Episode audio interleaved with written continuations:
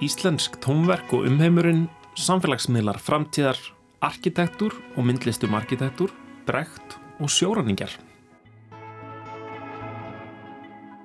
Valgerður Guðrún Haldurstóttir, framkvæmda stjóri tónverka miðstöðvar Íslands, verður tekinn tali í lók þáttar um það hvernig gangi að koma tónsmýðum íslenskra tónskálda á framfæri við umheiminn. Anna-Maria Bogadóttir, arkitekt, heimsaki þáttinn og segir frá uppáhalds listaverki sínu. Úrverður endar trílógiaverka, tvær byggingar í tveimur heimsálfum og myndlistaverkefni um arleð heimsþekts arkitekts. Gauti Krismansson flytur pistil um Bertolt Brecht að því tilefni gefnu að nú eru þýskir kvikmyndadagar í Reykjavík. Og Ragnhildur Hólgerstóttir, sagfræðingur, krafsar í fortíðina í sínum pistli. Umfjöllunarefni dagsins er heldur betur smennandi, sjóraningar. En við byrjum á samfélagsmiðlum framtíðarinnar með Magnúsi Sigurbjörnsinni, Kristján Hittan fyrr í dag. Það er rétt um 25 ár frá því að fyrstu samfélagsmiðlarnir fóru að verða til á hinnu þá nýstárlega interneti, alneti, veraldar vefnum. Fæst konust við við þessar fyrstu tilraunir til að skapa slíkt stafrænt samskiptanet, GeoCities, Classmates, Six Degrees, Open Diary, Live Journal, Rise, Friendster, High Five. En það er óhætt að segja að á síðustu 10 til 15 árum hafi miðlarnir orðið óumflíjanlegur hluti af líf okkar og menningu. MySpace, Facebook, Twitter, Tumblr, LinkedIn, Snapchat, Instagram. Á örskumum tíma hafa samfélagsmiðlar orðið alltumleikjandi, drefist út og eru allstaðar nálaðir. Áhrif þeirra óumflíjanleg. Meirinn 2 miljardar manna nota Facebook í dag og 93% Íslandinga eru skráðir. Með hverju árunu færist æg stærri hluti tilfur okkar yfir á slíkan vettvang og mörkin milli efnis heimsins og hins stafræna fara hverfandi. Við fylgjumst með lífi hvers annars, nálgust frettir, fræðumst, frettum af viðburðum, miðlum reynslu og upplifunum, skiptumst á skoðunum, ringjum, skrifum, sjáumst á samfélagsmiðlum. Gagnabankar miðlana sapna upplýsingum um tilveru okkar og eru farnir að þekkja okkur betur en okkar nánustu vinir.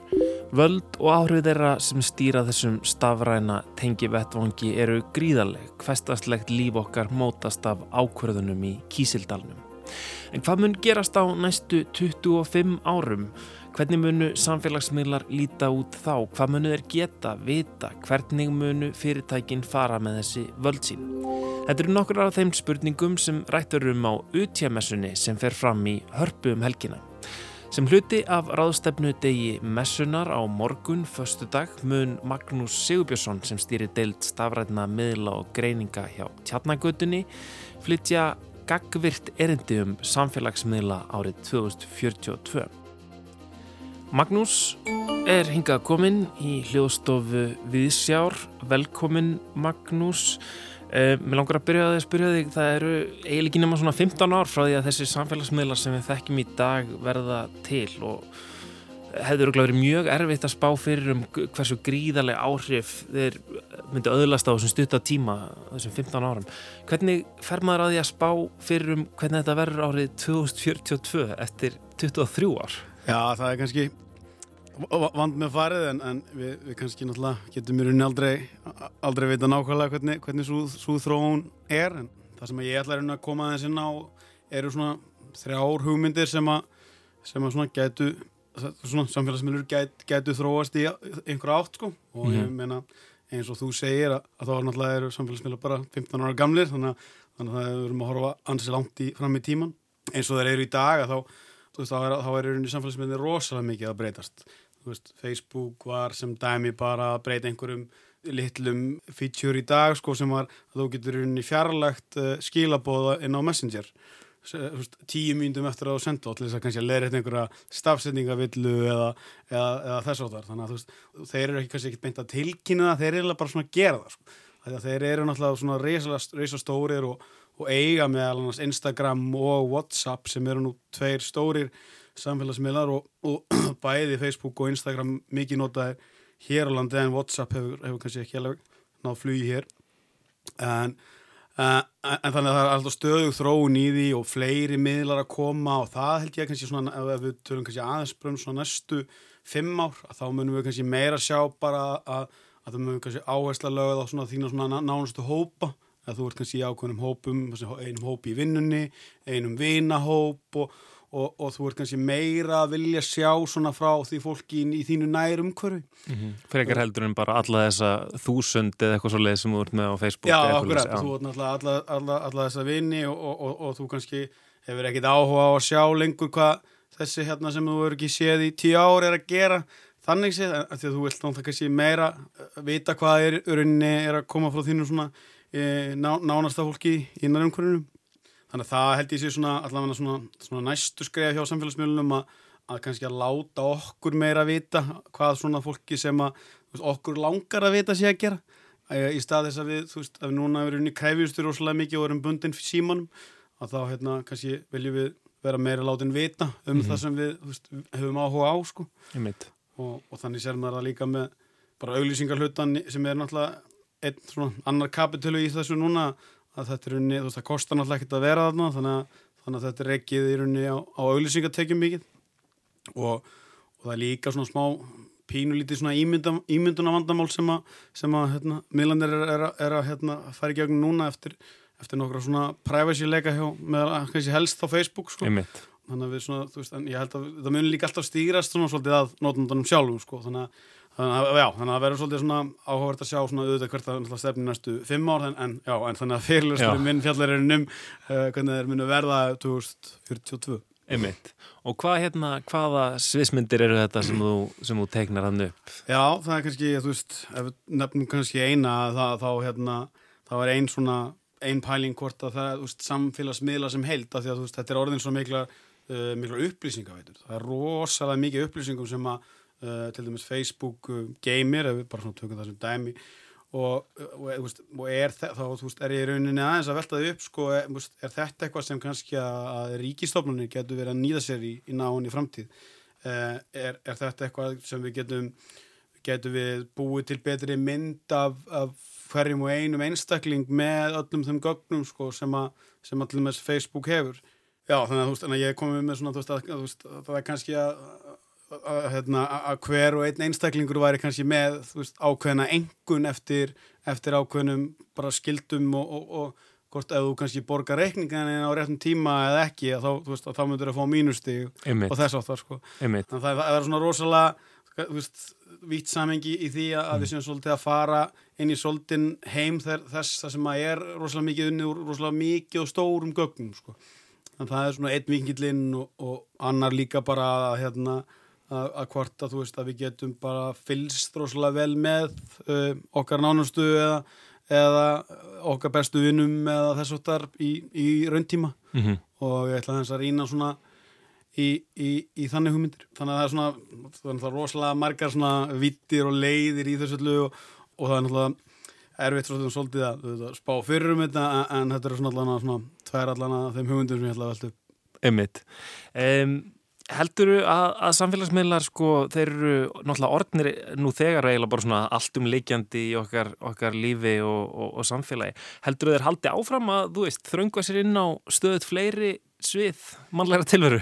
Já, manni finnst einhvern veginn, uh, ég held kannski að kannski myndir smá svona uh, opnum þó að ég held að Facebook og Instagram og þessu helstu séu ekki að fara neitt uh, fyrir einhver, einhverja nýja og fleiri miðla, svona, kannski á næsta árum sem eru þá kannski svona, kannski soldi sérsvið eins og maður sér kannski tvittsvera mm. sem er samfélagsmiðl sem snýra því að við erum að streyma tölvuleikjum í hérna og, og bara hafa hérna bara, bara sjónvarpsrási beinni útsendingu fyrir áhuga mennum tölvuleiki og geta þá fylst með tölvuleikjum allam heim sem er, sem er eitt svona heitast aðeðið í, í, í, í dag og það er bara fólk að tala saman á meðan að einhver aðli er að streyma uh, tölvuleiknum og er kannski bara að afla tekna meðan hann er að spila sjálfur og, og það er komið vingill fyrir bara hvern sem er auðvitað bara sem að vil spila einhver, svona, einhver töluleik sem, sem að kannski getur verið á, á, áhugavert að, að fylgjast með. Og það, það er bara, er þá allir bara kannski bara svona spjalla á meðan bara eins og spjallrás sko, uh, á meðan hann, hann er að spila. Og það er þá líka komið inn fyrir auglísendan er komið inn svona hluti, hluti þarinn til þess að uh, þá auglísa og þá náttúrulega þú veist, græðir náttúrulega kannski svolítið þá spilarinn á, á því þannig að mm -hmm. þar eru komið kannski svona eitt, eitt, eitt sérvingil og, og ég meina kann, kannski opnast svona smá rými fyrir, fyrir svona sérsniðina uh, miðla þó að þó ég myndi halda að Rísælunda myndi að geta það upp kannski Já. eftir allt sko. Þannig að það er kannski bara líklegt að, að þessir, e, þessir samfélagsmiðlar sem eru orðni núna að þessum Rísum að, að þeir bara muni lifa áfram inn í framtíðina í næstu 20 árin eða hvað? Já, ég menna menna þú sér svolítið bara eins og, eins og þessi stóru tölvufyrirtæki eins og Apple og Microsoft hvernig þau eru alveg ennþá á lífi þau hafa náttúrulega bara aðlagast framtíðinu svolítið og, og það hefur svona tekist auðvitað misvel en, en ég menna uh, öll eru við náttúrulega há svolítið símónum núna og, og, og hvort, að, hvort að það muni eitthvað taka við af símónum, þú veist, er náttúrulega einlíka áhugaverð pæling. Uh, þannig að, þannig að og við sjáum líka rosalega mik mikil mikla nótkunna á í rauninni eins og Netflix, Hulu, Amazon Prime sem eru svona sjómasveitur og og að samfélagsmiðlandir eru að taka núna skref í þá átt vilja, vilja kaupa bæði réttindi á, á beinum útsendingum á, á íþróttadeildum eða íþróttaleikjum og, og öðru. Og, og, og það er einhvern veginn veist, allir eru svolítið að mynda einhver svona heldar pakka þannig að ef það kemur eitthvað nýtt og heitt þá eru þetta risaðalunar svolítið farða farnar í það sko. Ég mitt Já, hérna, já, þú nefndir að, að náttúrulega við nálgumst samfélagsmiðla í dag, í, kannski fyrst og fremst í gegnum símana, einhverju leiti í gegnum tölur líka. Um, heldur að það hvernig við eigum í samskiptum við samfélagsmiðluna muni breytast mikið á þessum tíma? Mm, já, ég menna já, ég held það.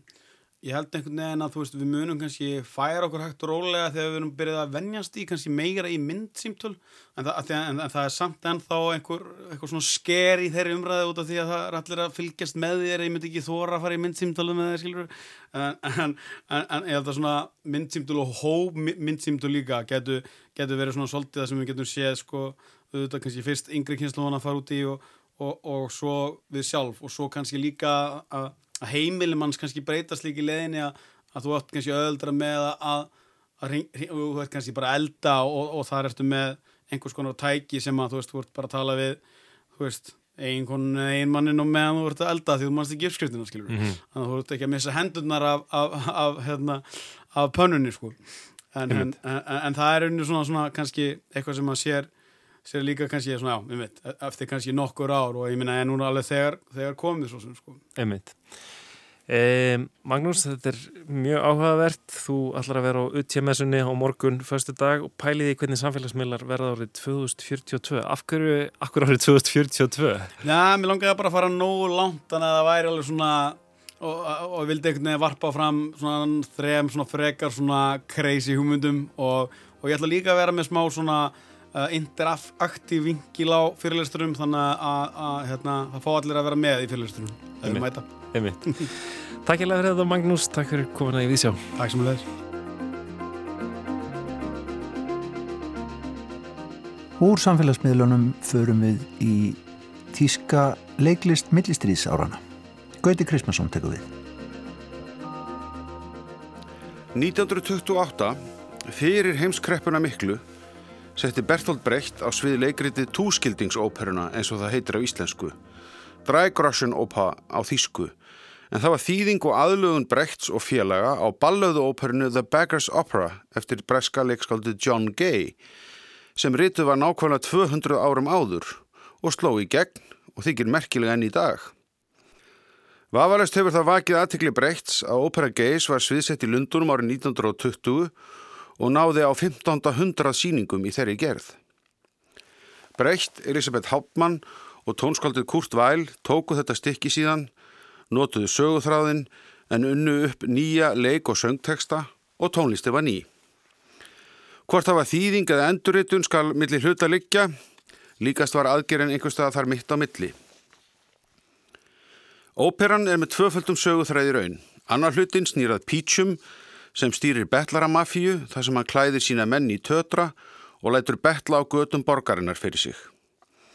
Hinn hlutin snýrað makka hníf Öðrum glæpafóringja sem forfært hefur dóttir Pítsjums, þeim síðanemda til mikillar gremju og þannig verða til átöki verkinu millir þrjátana tveggja. Lögreglustjórn í borginni er síðan í vasa makka nýfs. Þetta var og er ekki frumleg saga, en það var það ekki það sem vakti fyrir breytt og félögum. Markmiði var miklu fremur að ná til fólksins með því að endur spekla veruleikan í spjespekli sem þannig drægi fram óréttlæti og spillingu. Raunsægi var ekki á dagskráni, en þó var viðfóngsefni verksins fullkomlega raunsætt, en framsetning þess var í anda þeirrar framandgerfingar leikúsins sem breytt var frumkvöðu lað. Framandgerfing, þær fremdung á þýsku, var tæki sem breytt þróaði fyrir sitt episka leikús sem hann kallaði svo.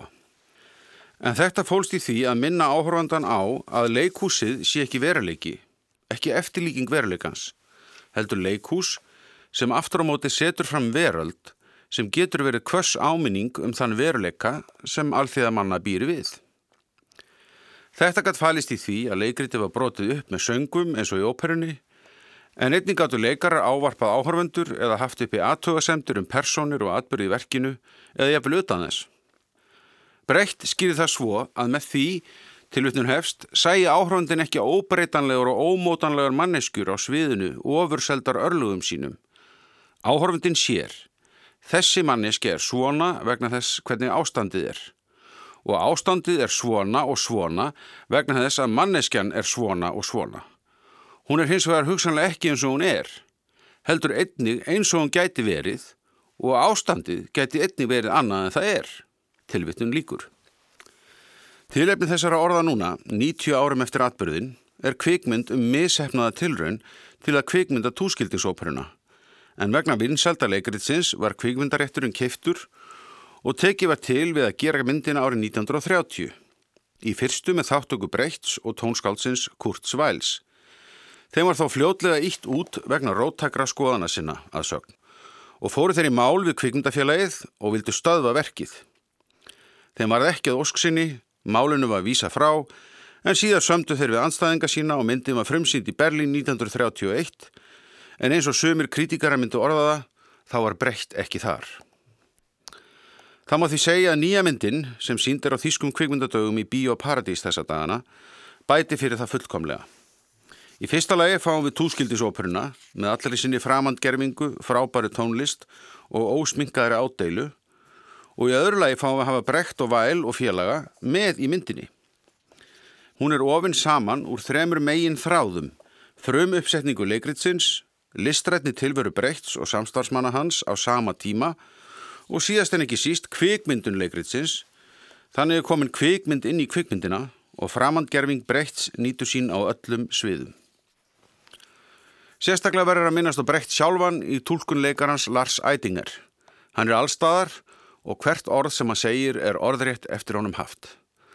Hann verður þannig dálítið gerfilegur, eins og gangandi spakmæla spjátrungur, algjörlega fullkomin framandgerfing á höfundunum sjálfum og fannst mér það sprengklægilegt og vel við eigandi. Eina óvelkomna framandgerfingin voru ennsku textatni sem bóður upp á, en þeir voru afleitir illa þýttir og illa tímasettir og var augljóst að þýðandin hafði litla hugmyndum hvað hann var að þýða. Svona var ekki að fara með listaverk og að þetta skammar á íslenskum kvikmyndaháttíðum skulle ekki vera hægt að bjóða upp á íslenska texta. En fyrir áhuga mennum breytt, þýskar bókmyndir og leikritun er þessi mynd mikill happa fengur. Þýsku kennarar ætti að drífa lengra komna nefendur á þessa mynd því hún sýnir svo vel fjölmörg snið þýskara sögu og bókmynda á 20. stöld. Brecht fætist rétt fyrir aldamóti 1900 og lifði aðeins til 1956. En hann lifði af báðar heimstyrjaldirnar, var í herþjónust á hans að berjast í þeirri fyrri en flýði til bandaríkjan í útlegð í þeirri setni. Þá höfðu nazistar þegar brent bækur hans ofinberlega og tekið á honum ríkisborgarréttin.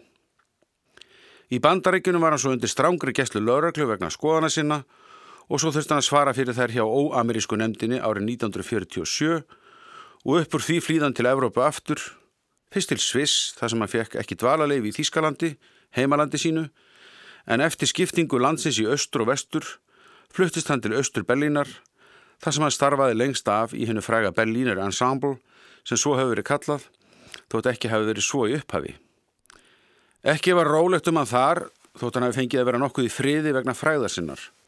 Hann lest aðeins 58 ára aldri árið 1956 en skildi eftir sig gríðalegt sap leikrita og ljóða og hafði hann á báðum sviðum haft mikil áhrif á samtímamenn sína eins og sjáum á að fjölda þýðinga á verkum hans á öll heimsins mál. Eitt frægustu ljóða hans er vafalist Andi Nakkiborinin til hinn á óbornu eins og Sigfús Daðarsson kallaði það í þýðingu sinni sem byrt var í tímariti máls og menningar skömmu eftir dauða breyts. Á YouTube má hera frægan upplestu skáldsins frá 1939. Andi Nachgeborenen Erstens. Wirklich, ich lebe in finsteren Zeiten. Das arglose Wort ist töricht. Eine glatte Stirn deutet auf Unempfindlichkeit hin. Der Lachende hat die furchtbare Nachricht nur noch nicht empfangen. Was sind das für Zeiten, wo ein Gespräch über Bäume fast ein Verbrechen ist?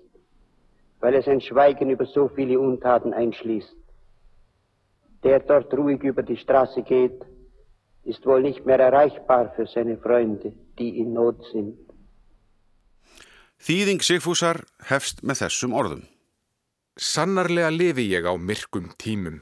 Hið græskulösa orð er fávíslegt. Slétt enni er vittni um sljóleik tilfinningana. Sá sem hlær á aðeins óheyrða hinn að hræðilegu frétt. Hvílíkir eru þessir tímar þegar gengur næst glæpið að tala um tré því það bóðar þögnum svo margar ódáðir. Sá sem gengur þarna rólegur yfir göttuna er vist ekki lengur tiltækur vinum sínum sem í nauðum eru stattir. En sem fyrr er fólk í nauðum statt og breytt á fullt erindi við okkur á okkar myrku tímum. Sæði Gauti Kristmannsson. En þá er komið að henni vikulegu áskorun okkar hérna í Vísjá þar sem við fáum að heyra um uppáhalds listaverk hlustenda. Það er Anna-Maria Bóadóttir, arkitekt sem velur listaverk vikunar.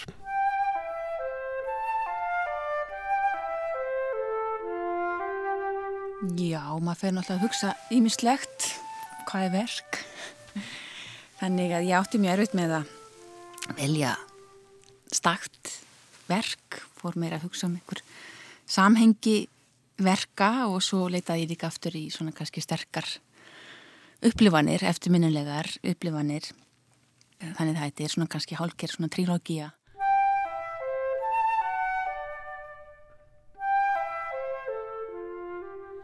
Þegar ég var rétt upp úr tvítút skiptinum í, Fraklandi og fór þá í, var þá í Líun og fór þá að skoða fræða klaustur Couvandole Tourette til hérna, þetta er lungaður en ég byrja að læra arkitektu var hérna að stúdera bæði listasögu og bókmyndir þannig, og þetta er líka fyrir tíma internetsins þannig að maður var ekki búin að vera skoða mikið myndir af þessu þannig að þetta var mjög svona, svona tær upplifun og, og, og mjög sterk að koma inn í svona sterka og áhrifumikla byggingu.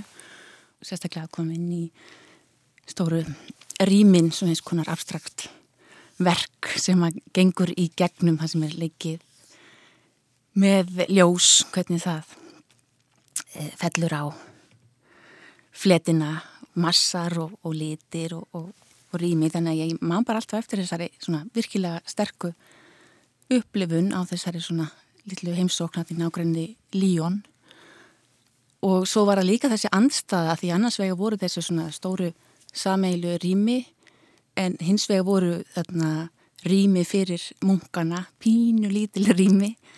E, þannig að þessi hugmyndum að korpus ég líka um að hérna, byggingarnar séu svona ákveðnar maskinus fyrir líkamanna okkar. E, þannig að mér fann að það var líka ákveðin svona þessi anstaða og e, þessi upplifun vaknaði sín aftur upp hjá mér kannski tíu árum setna þegar ég var komin í framhalsnámi arkitektur og fór þá að í aðra mjög sterka og mjög fræga byggingu og báða þessa byggingur er að ég meitt svona eh, UNESCO menningararfur og svo bygging var, ég er í Mexico City bygging Louis Barragan fræga annars mótunista og þeir náttúrulega þekktust. Corbusier og Barragan og hérna Eh, bara hann hafi komið til Evropa og hitt á Korbu sem var svona meistari meistarana en bara hann svona samt sem áður er undir kannski ákveðna áhrifu með því samtali en stígur mjög langt frá þessari svona þröngu, formföstu, formfasta alþjóðlega modernisma og vinnur miklu svona ljóðrækna og miklu meira svona sensuelt og þannig að það, þessi svona kannski þetta töfra raunsægi, þessi töfrar sem að byrtast í þessu byggingur eða húsinu sem hann byggði kringum sjálfan sig sem að svona kölluðust á og þannig að ég steg þarinn þá myndi ég eftir þessara sterku upplifun í þetta nákvæmni Líón en svo miklu drömkendari og svona meira sensuelt. Síðan er það þriðja verkið sem ég voru að hugsa um kannski líka út frá svona nútímanum að því að sem svona praktiserandi arkitekt e, þá er maður náttúrulega fást við þessa arfleif og hvernig stígum maður inn í hana. Þannig að það er eitt mjög svona intríking spennandi verk eftir bandarísku myndlistakonuna Jill Magitt og uh, hún er raun og verið að vinna með uh, arfleif Barajan það var þannig þegar hann lést þá var hann búin að gera erðarskrá þannig að það var skipt upp annars vegar hann svona persónulega arfleif fór veit stað og svo var það hann svona professional, svona faglega faglegu verkefni fóru til samstarfsmanns hans. Þannig þetta var búið, nú þegar búið að skiptast upp í tvent síðan lest þessi samstarfsmaður hans nokkur síðar og einhvern veginn fer þessi arfleð svona á sölu og endar sem enga eign stórfyrirtækinsins Vítra í Sviss sem er náttúrulega ákveðin svona já, sem vinnur meðal annars við það að endugera fræga hönnun eh, móternistana og annara og, og, og þessi hérna, teikningar og, og eru sendar til frá Mexiko til Sviss og eru þar í hálgeri gravkvelvingu undir geribyggingu og það er þannig að það er enginn sem fær að komast í þessa teikningar, þetta er eiginlega bara lokað. Og það er þessi myndist að maður Jill Magitt sem að fyrir að fást við þetta og hennar verk snúast mjög mikið um svona kerfi, hún vinnir bæði, vinnir verk sem tengjast eh, njóstnum, svona þessar svona upplýsingarsamfélags, þessar gagnarsöpnun og hver stýrir aðgengi og gegnsægi og, og svo framvegis. Þannig að hún hefur unni mikið á þessum nótum og þetta var það vista verk sem sko var ekki í tengdi svona ofnberum kerfum heldur önum veru þetta svona mununa milli hvað er almennings og hvað er enga og það er einmitt svona svolítið líka saga hennar sem er nú ekki alveg staðfest af Vítra, það var þannig að þetta stjórnaformað Vítra og þá er endi kærasta hans e, tilvonandi eiginkona og hann er lang, hún var arkitekta sagfræðingur og var farin að rannsleika Barakhan þannig það er svona, sögursögnin segir að þetta sap Barakhan hafi verið svona í staðins, staðins að hún fengi trúlónaring þá fekk hún sap Barakhan þannig að það er svona svolítið sagan sem hún, hún vinnur með og verkið heitir The Proposal, The Bone orðið.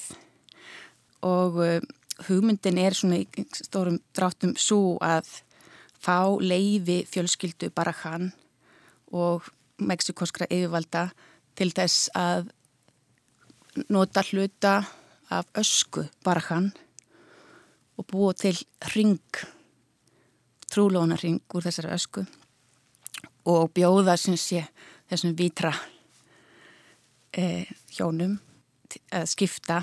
Þau fengjur sér sér ring byggðan á ösku barkan í staðan fyrir arleðina sem er hérna í Vítra í Sviss.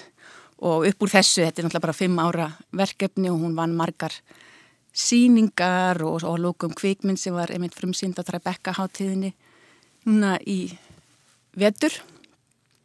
En það sem svona kannski er, mér finnst áhugavert við þetta og þetta er náttúrulega auðvitað mjög ólík verk miklu, með náttúrulega bara svona konceptverk en enga síður svona þessi það samspil hins ljóðræna e, frásagnarinnar og svo þessara svona pragmatisma, strategíunar að hafa áhrif á framvindu e, og, og kerfi. Og það sem ég vist líka áhugavert er hvernig myndlistamæðurinn sjálfur verður en veru megin personan í verkinu. Hún svona stendur ekki fyrir utan uh, verkið heldur er hluti af því. Og það hvernig svona hún fekk leiði til dæmis fjölskylduna til þess að búa til þennan ring og raunverulega opnuðu þeir gravreitin og náði í öskuna þannig að þetta er mjög mikið af þetta er langur og flókin prósess. E, og, og, og þetta hefur fengið verið mjög umdeilt. Sem við finnst þetta bara að vera ákveðin svona aðfelgun gravverðanar og þá kannski listamæðurinn að baða sig í, í ljóma þessara, þessara gengna meistara bara hann. Þannig að hún hefur fengið mjög mikla kritik en líka fengið mikið lof fyrir svona sni, ákveðina snilli og þessar að nýta sér ljóðrænuna og styrk myndlistarinnar til þess að setja e, mikilvæga e, þætti e, í samfélaginu dagsins í dag á dagskrá gegnum þína sterku miðla myndlistarinnar.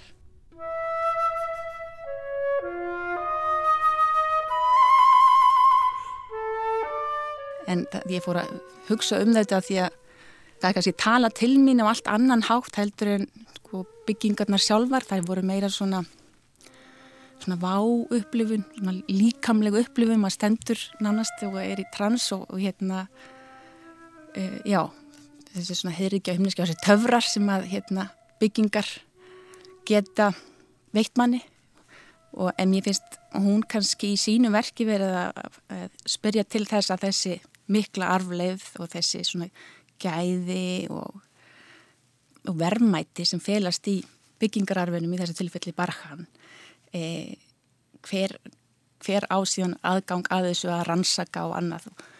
E, er þetta fyrir getur almenningur átt tilkall til arfleiðarinnar eða er þetta meira og meira að fara í hendur enga aðila og það er eitt af því sem ég er líka fast bara með við minni, við, í minni praxis í, í arkitektur í, í, í dag eh, er akkurat þetta.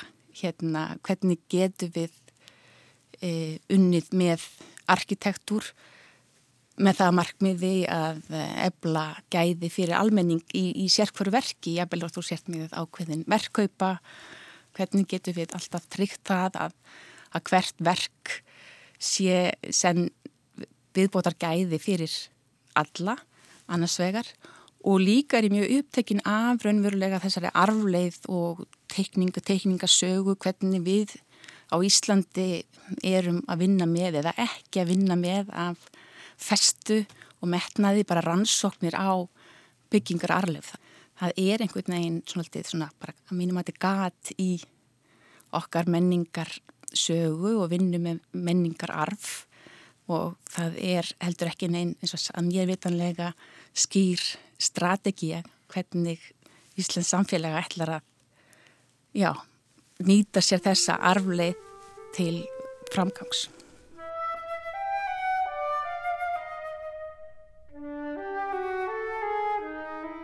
Mér langar að skora á myndlistakonuna Margreði Blöndal. Ég er mjög hrifin af verkonum hennar og hérna hef alltaf til tíð verið það og það verið mjög áhugavert að heyra hvað hún hefði að segja.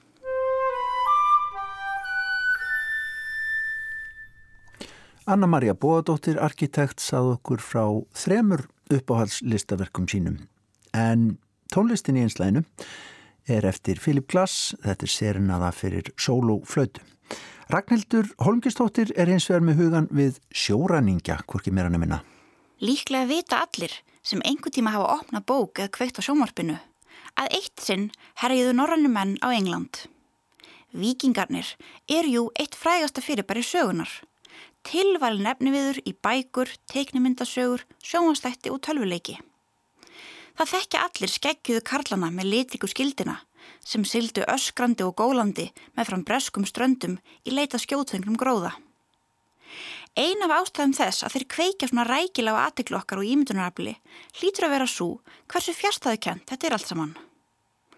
Á 19. og 20. öld til þið Norðurlönd algjöru jæðarsvæði hins pólitiska valds, á meðan Breitland var lengst af miðpunktur heimsveldis.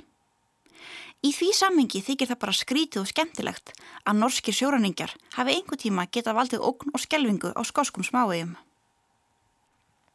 En þessi bestill fjallar ekki um vikingana, heldur starfsbæður þeirra nokkrum öldum síðar, sem byrtast afar sjaldan í skáldsögum eða sjómanstáttum. Á 16. öld höfðu valdarlutvöldin snúist algjörlega við og þá voru það englendingar sem riður lögum og lofum á Allandshafinu, sérstaklega á fiskimiðunum við Ísland en þeir letu sér ekki næja við að fisk því í kringum aldamótinu 1600 voru englendingar mjög ötulir sjóræningar. Og það voru ekki sendnar kirrahafsæjar sem voru skotmörk þeirra, heldur Ísland og Færiðar. Hinn er ennsku sjóræningar og árásir þeirra falla oftast næri skuggan af mun frægara sjóráni í Íslandsögunni. Það er að sjálfsögðu Tyrkjaránið árið 1627 þegar eitt skip frá Marokko og þrjú frá Algersborg riðist í sittkurlægi á Grindavík, Östferði og Vestmanæjar. Koma þessara sjóræningi allir Íslands kann að verðast undarleg, en hvorki Tyrkjaránið nýja aðrar minna þekktar árásir verða slitnar úr samhengi við þau sífældu sjórán sem Evrósk ríki stundum um þetta leiti. 17. öldin var tímin að er stöður að styrjalda í Evrópu og þar sem sjóherir hinn að stríðandi landa voru ekki öflugir, þá greip ríkin til þess ráðs að gefa út sjóraningabrjöf. Skipstjórar gáttu þá gæst verktakar í stríðinu og herjað á skip og hafnir ofinarins með konunglegu leifisbrefi, svo lengi sem krúnan fekk sinn hlut af ágáðunum. Þess vegna eru til tvö mismunandi orði við sjóraninga í mörgum euróskum málum. Eitt fyrir sjóraningaskip á einu vegum og annað fyrir þau sem eru þjónustu krúnunar. Sjóraningjar úr fyrirhóknum þóttu skúrkar og varmenni, en leifisbref sjóraningjar höfða á sér vissan blæ, ævintýra og dyrfsku. En það fóru auðvitað eftir því hver var spurður áliðs, fórnarlömbræningjana eða samlandar þeirra. Ferill hver sjóara gætt líka spannað mjög vitt svið, allt frá heiðarlegum sjómanni til sjóraningja, með eða án leifisbrefs. Í hennu skelvilega Tyrkjaráni voru flestir sjóraningjanir ennskir, þískir og hollandskir að uppruna en á þessum árum hafði fjöldi evróskra sjóraningja leitað sér að nýju heimil í Norður Afríku þegar Evróbríki hættu að veita leiði til sjórána á fríðartímum. En sendingaborði Tyrkjaránið er sem betur fyrir einstæmi í íslenskri sögu. Hinn almenni enski sjóraningi sem sildi að ströndum Íslands á 17. öld var á eigin vegum og herjaði helst á verslunarskip og fiskiskútur, en slík skip voru ekki íslensk. Stundum lit þeir freistast til að ganga á land á Íslandið í færium. En ofbeldið sem þeir beittu var langt í frá jæm skelvilegt og það sem sjóraninganir frá Algersborg örðu frægir fyrir síðar. Það kom fyrir að þeir rændu skipverjum á stórum seglskipum, en þeir hafðu takmörku nót fyrir íslenska bændur. Þó tímabil ennsku sjóraningana hafi verið litríkt, þá var það ansi stutt og er ákveðlega rammað inn af tveimur árásum. Svo fyrri var framann á Patricksfyrði árið 1579 en svo segni í Vestmanægjum árið 1614. Í ránunni í Vestmanægjum var það helsti ásetningu sjóraningjana að ræna erlend skip sem lágu í höfninni. En jáframt lögðu þeir undir sig heimægi í heilar tvær vikur, rændu og ruppliði kirkjum, verslunum og heimilum og eigðalögðu það sem þeir gáttu ekki haft með sér. Þeir ógnuðu fólki með vopnum og nöðguðu konum en ef markam á heimildir síndu þeir þó ekki af sér jafn mikla grimd og fórherðingu og landar þeirra höfðu gert á Patricksfyrði 35 árum fyrr. Þá verðist helsta markmið sjóraningjana hafa verið mannrán en þeir rændu auðmanninum Eggerti Hannesinni gegn lausnargjaldi. Eggert var í haldi sjóraningjana vikum saman, pintaður og barinn, þar til ræningunum bar sönnun fyrir greiðslu. Á meðan þeir beðu skemmtu þeir sér við að ræna kirkjur og eðilegja, nöðgakonum og pintamenn með eldi. Þessir ennsku sjóraningar á 16. og 17. öld voru í einu orði sagt óþjóða líður og það þótt einn sjóraningjarni í vestmannegjum héti því sérkennilega nafni James Gentleman. En löngu segna í upphafi 19. aldar fengu Íslingar heimsókn frá ósveiknum breskum herramannsjóraningja. Sá hétt Thomas Gilpin og var með konunglegt leifisbref til sjórana í Napoleonstríðunum. Hann var hinga komin á svona 25 manna áhöfn í leitað einhverjum verðmætum í eigu danska kongsins sem hann getið sölsa undir sig með góðri samvisku. Enda voru Danmörk og England sitt hverju megin í átökunum. Gilpinsránið lítur að teljast einu sérkynlegasta ára á sjóraningja fyrr og síðar. Því svo virðist sem hvorki hinn er ennsku sjóræningar, nýja hinn í íslensku fórnalömp, hafi geta ákveðið sig hvort þetta veri rámsleðungur eða kurtislega heimsókn. Koma skipsins í júli 1808 allir bæði forvitni og áhyggjum, en einhverjir tók af skarið og fór út í skipið til að aðtuga hverju væri þar á ferð.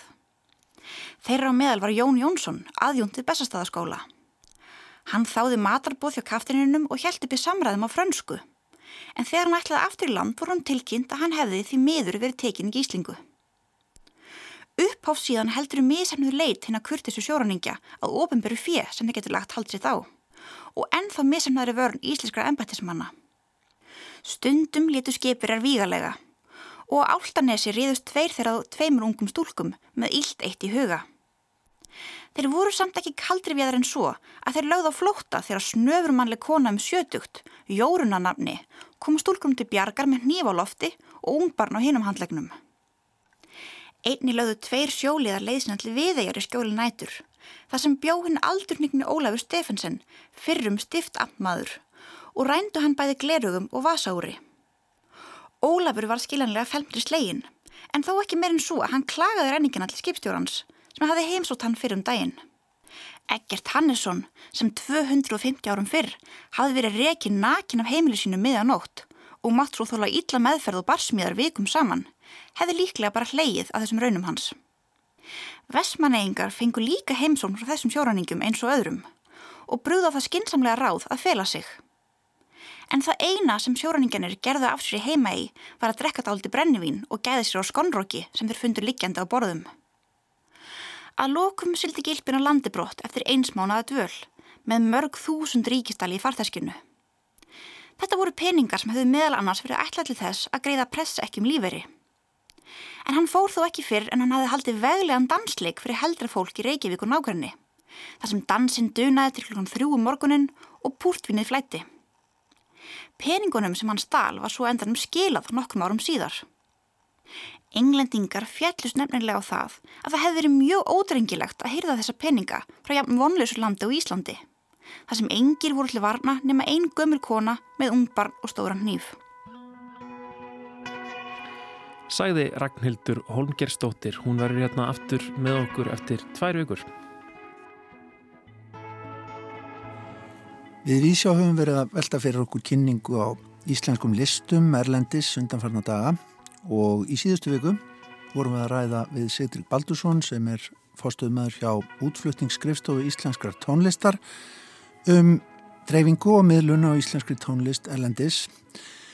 En við ætlum að halda áfram að tala um tónlist því að það er til annað batteri sem að heitir tónverka miðstöð og snýr að tónlist sem að gefinur út á nótum eins og kannski heyrist í, í nafninu, það er að segja síkildri og samtíma tónlist e, og hingaði komin framkvæmda stjóri tónverkamiðstöðar Valgjöru Guðrún Haldurstóttir, velkomin. Takk.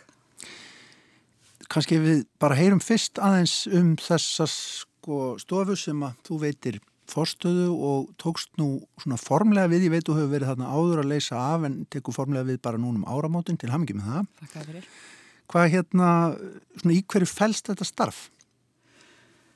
Uh, starfið mitt fælst í náttúrulega að segja bara daglega rekstur miðstöðarinnar. Við erum þrjú sem störfum hana. Uh, ég er fulli starfi og tveir hlutastarfsmenn sem sjáum uh, ákrislu og, og, og gerð nótna mm -hmm. og svona eftir pöntunum og eftir því sem það berast til okkar. Við sagt, tökum við tónverkum á nótum frá tónskaldum, íslenskum tónskaldum mm og kynnum tónverkin bæði innanlands og erlendis. Uh, aðalega gegnum sagt, vefsíðu sem, rekum, sem er vefverslun og virka líka sem gagnagrunur mm. þar eru er 10.000 tillar íslenskum tónverkum. Það er góðu slatti. Það er mm. það er bara tónlistasagan í þessum gera eins og maður leggur sig. Akkurat.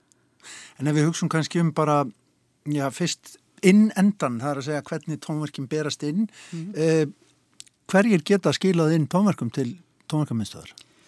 Íslensk tónskald já. það er svona stuttasvarið og já, það, við vinnum fyrir Íslensk tónskald þau leggja inn núorðið senda okkur tónverki sín á PDF sem við svo útbúum þannig að þessu aðgengileg á, í vefverslun. Mm -hmm. Hversu, hversu rætt sko stækkar þessi þessi hérna, pakki, skulum við segja, eða þessi katalókur? Hann stækkar nú ekki gífulega hrætt, en það er alltaf að bætast við mm. og mikil gróska í þessum gera. Mm -hmm. Er náttúrulega frambúið endur spekla það. Akkurat. En svo kemur að því að, að kynna þetta þar inn á vefverslun, getur maður flett upp bara nánast öllum þessum titlum þar? Já, þar getur flett eftir tónskaldum og, og eftir tegundverka kórverk, uh, hljómsættaverk fyrir ákvæmna samsetningu af kannski hljómsætt, lítil, stór sönglög Já. og þetta er allt sem hefur verið gefið út af tónverkamiðstöð, við erum ekki að selja sagt, nótur sem hefur verið gefnur út af öðrum Nei. ég heldur mig að segja að það hefur verið algjör undartækning að það hefur verið gert mm -hmm. Þetta er ykkar útgáða þannig að Já, þannig laga, en, mm -hmm. en tónskaldin eiga allan rétt Einmitt. við eigum einhvern útgáða rétt þannig laga sko. Nei sko, hvað er ásóknin mikil? Það ég ger ráð fyrir að innan um séu titlar sem séu bara mjög vinsalir raunin til flutnings og séu kannski verið að senda bara út um allan heimen en svona svo rörgla annað bara sem liggur í, í skúfu Já, já, lagar, það, verkin er náttúrulega alls konar og mis oft flutt. Uh, það eru verka eftir náttúrulega svona, sem maður segir, kanónur eins og alla heimi og og Jón Leifs og, og Jón Áskísson og Jón Ordal og hlera og, ásöknun er mismikil. Mest ásöknun hefur verið í herrheimnasmiður, Þorkil Sigurbjörnsson. Hann skilst það í mitt, já, akkurat. En, hérna, það er heimsfrækt bara. Já, já. en svona mesta vinnan kannski í, í starfsminu svona, svona dagstæðilega er umsjón og sagt, að búa til pakka af hljómsöndanótum til flutnings fyrir stóra hljómsdur og það er verið að flytja íslensk verk út um allan heim. Uh, Sinfóni hljómsund Íslands er þó stærsti viðskiptavinnur okkar. Já. Og gott samstarf þar á milli. Og þá þarf að útbúa auðvitað partana bara fyrir alla hljómsduna það Já, er heilmikil vinna í kringum eitt verk. í hljómsundinni og svo náttúrulega stjórnunda ratskrá. Mitt e, Þegar kemur, sko, ef maður fyrir að hugsa um af því við vorum að ræða við hann Sittrygg í síðustu viku um svona kynningu á annars konar íslenskri tónlist en þessi geiri, er, sko, er einhver allt önnu lögmáli því að reyna að koma samtíma tónlistinni út til heimsins en, en annari tónlist? Já, lögmáli, það er kannski aðeins öðru í sem með uh, tónverkin og tónskaldin að sko við erum að leita að náttúrulega flytjendum mm -hmm.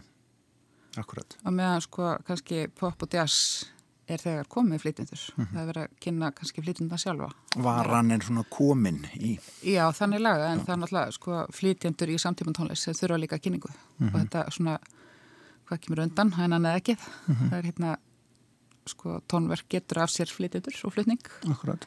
Þannig að þetta er svona helsta, sko, það sem er frábriðið frá kynningastarfsemi, ellendis, mm. í pop og jazz og því sem úttón hefur verið aðalega synd. Mhm svona aðeins að fikra sig yfir í samtíma tónlistinu líka og, og það er svona stefnan að það sé meira samstarja vel mm -hmm. og sem er bara gott, við erum staðsett á sama stað Akkurat. sama húsnæði Þannig að þetta eru svona sýstur fyrirbæri, þannig séð Já, leiti. og bara mikill vinskapur og milli En þegar kemur að því að, að því að við eigum nú líka tónlistarhópa og tónlistarfólk á þessu sviði, sko getið þið synd tónlistarfólkinu þegar þessar flytjandunum? að einhver leiti? Uh, við sinnum því kannski, já, við sko reynum að hampa þeim ef þeir eru að flytja, sérstaklega þeir eru að flytja íslensk verk. Já, sem er, koma úr ykkar safni. Já, já, já.